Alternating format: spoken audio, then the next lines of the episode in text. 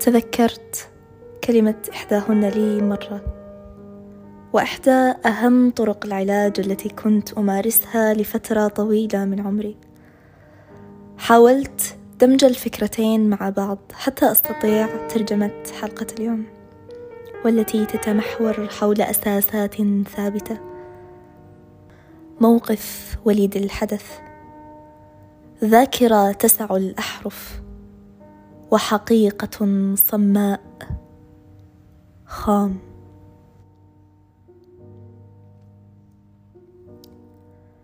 أحببت أن أحقق مبدأ الصوت على الكلمة وأن أجعل العفوية عنوانا مناسبا لسلسلة أفكار متجددة.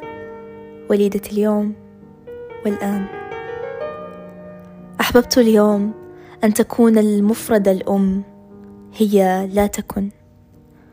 بالإضافة إلى دمجها مع ثقافة العلاقات وتآزر كلا الجملتين أو الكلمتين ان صح القول مع بعض. أحببت اليوم أن أقول لك لا تكن. لا تكن شبحا يقتات على السوء. في الحين الذي يحتاج فيه الطرف الآخر إلى كل الخير منك. لا تكن رمادا حين أحتاج لونا بهيا. ولا تصبغني برماديتك وتمنعني عن رؤية الواقع بصورة واضحة. لا تكن كحلا اسودا براقا من بعيد. يعمي عيني في اللحظة التي أظن فيها أنه يجملني. لا تكن فردا حين أننا اثنان. ولا تجرب الغطرسة في اللامبالاة حين تكون المبالاة ركنا لبناء العلاقات. لا تهمش شعوري أو تنسب مقادير أحداث معينة مرسومة حسب نمطك وشخصيتك وذاتك لوحدك. وعي أن العلاقات حدود متشاركة.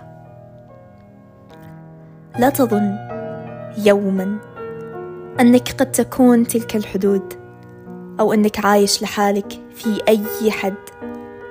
ممكن أقلها إن قلصنا عدد الشخصيات في حدود معينة. فصدقني ستكون أنت وضميرك ولست وحدك. عي أن الحدود أنصاف عادلة تعطي أيا ممن فيها ذات الحق في كل شيء. وإذا لم تتناسب خوارزمياتك ضمن إطارنا المشترك فهناك مليون إطار آخر تتوافق فيه الخوارزميات وتعطيك ناتج أكبر من الصفر. لكن صدقني هناك دائما أرقام تحت الصفر وكلها لها قيمة. قيمة السالب التي تعطى للسالب من الفعل دائما إيجابية. كون العلاقة تعطي نتيجة سالبة عن ظلم محتم لطرف ثالث فالسالب في السالب إيجابي ولم يظلم أحد ضمن إطارنا. كون ناتجنا سالب لإيجابية معتمة معناها أن السالب سيتفوق عليها بنتيجة مرضية للحق. وكون أن سالبنا ضعيف في نقاط معينة معناها لابد أن تنتصر أحيانا. ونحصل جانب إيجابي يتوافق مع العدل والمنطق. عي أننا ضمن حدودنا لا نحرف العلاقة إنما نحافظ عليها بتساو في الأحقية وبعامل مشترك يربطنا ببعض أكثر ولا يضع ضمنها أحقية لواحد منا أكثر من الآخر وبها لن تتحول فجأة لصديق لحظي. أو شريك يأخذ حقي وحقه قصدا أو لأنه ما يعرف شنو اللي له واللي عليه. حدودنا المشتركة هذه دائما لها عمر. لو أعطينا إنصافها حقها لتصالحنا بفكرة أن مدة علاقاتنا لن تتعدى العام وأننا في هذا العام سنكون متوقعين نهاية الحدود واضمحلال العلاقة. وسنكون متصالحين تماما مع الفكرة أو أننا إن ما أعطينا كل واحد حقه ضمن المدة الزمنية المتوقعة نتيجة دراسة الحدود. فصدقني عمرها هالعلاقة ما بتعدي صح ودائما بيكون فيه طرف مظلوم. فعي أنك قد تكون ظالم. أنك قد لا تقدر احتياج من زاوية معينة أو ستكون رؤيتك غير واضحة تجاه عذاب ملموس. وهنا أود أن أتحدث بالصوت العالي. وأن أقلب على روحي شيئا من المواجع كي أخرج ما في قلبي من لساني على يتلاشى من داخلي فأنسى المليون شعور. المليون كتمة وحسرة ولحظات من عمري قضيتها في الأمل الزائف وذكرياتي التي كم أتمنى لو كانت عابرة نقيضا عما خلقته من شعور كاذب في داخلي. أرقت ليالي وأوهمتني بكلمة صديق. حولتني فجأة من إنسان وردي سخي في العطاء.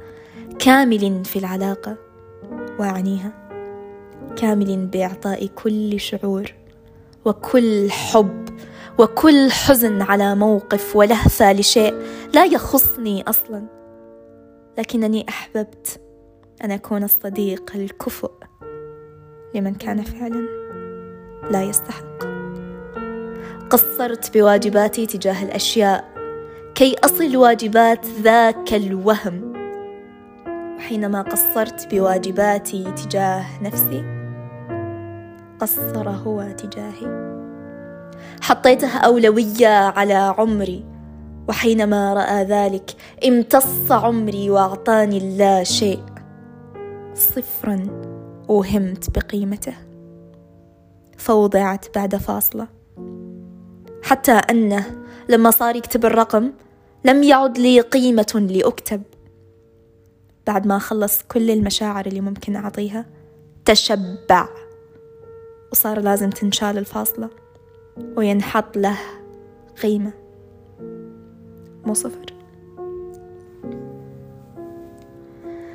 ثم أنني بعدما آيست مما جرى ولمت نفسي لمليون لحظة وعشت في جزء من اللحظة مليون شعور من الألم والأسى والتعب.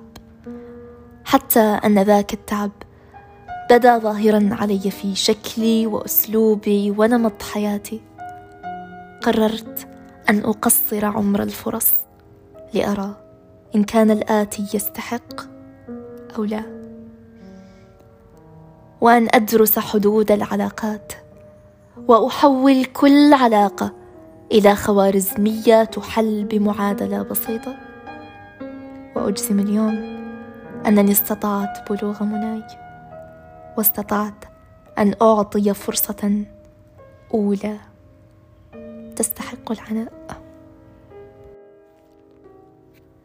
لأرى المواساة في المعاناة والشعور في اللحظة والحب الصادق والصديق الصدوق. الحبيب إن أردت موجود إن غفلت. ومخفي. إن أردت أن أبقى وحيدة. متقبل وصريح. خجول وودود. نتهاوش ونتصالح. نتزاعل ونتراضى. ومستحيل أحد يفرح لحاله. روح واحدة باختلاف كل شيء. لم نتشابه يوما حتى في شيء واحد. لدرجة أن كل منا يحب لون مختلف تماما عن الآخر نقيض للآخر ومكمل له.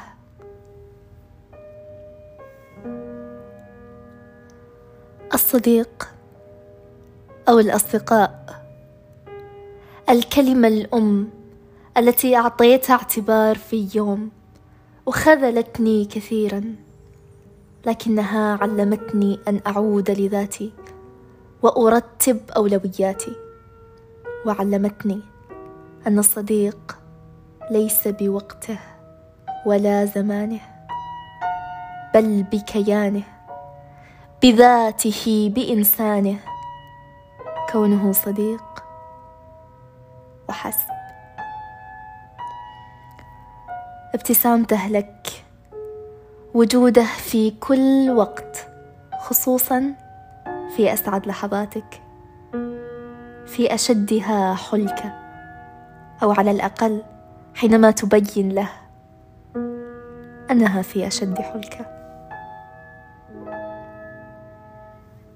حينما يسمعك يقدرك يناقشك يصارخ عليك يتضارب معاك في الفكر والرأي والأسلوب ونمط الحياة والمنطقة والعمر. لكنه في آخر النقاش يحتضن قلبك يصدق كلامك حتى لو ما يعني له شيء ويفكر فيه مليا. حتى تراه يتجلى في تصرفاته وأسلوبه الجديد يوميا معاك.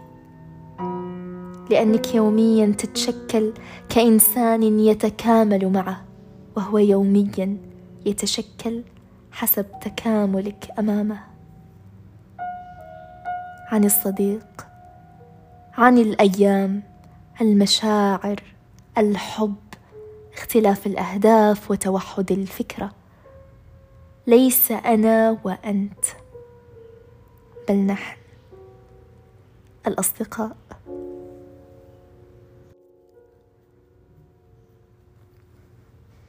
أحببت اليوم أسولف عن هالطاري وأتكلم عن الصديق اللي خلاني أبوح له في جلسة واحدة عن كل شيء وعن جلساتنا اللي ما تلتقي واجد لكنها كلما اختلت فينا جعلتنا شفافين لبعض روح لروح لا جسد متقلب وشعور متهالك. إلى صديقي الذي يعيش أحلى أيام حياته في 25 نوفمبر 2022 قلبي كان معك منذ معرفتي ولعلي بكلامي أخلد شعوري حتى إذا باغتتني نفسي مرة أعود لأعوام مرت. صدقا يتكامل معنا لأقول أني من عمقي. سعيدة لأجلك. كانت معاكم نبراس بحليقة من بودكاست خام. حيث نطلق العنان للكلمات التي ابتلعناها فتسجت وتصيرت مصيرا نعيشه ولا ندرك.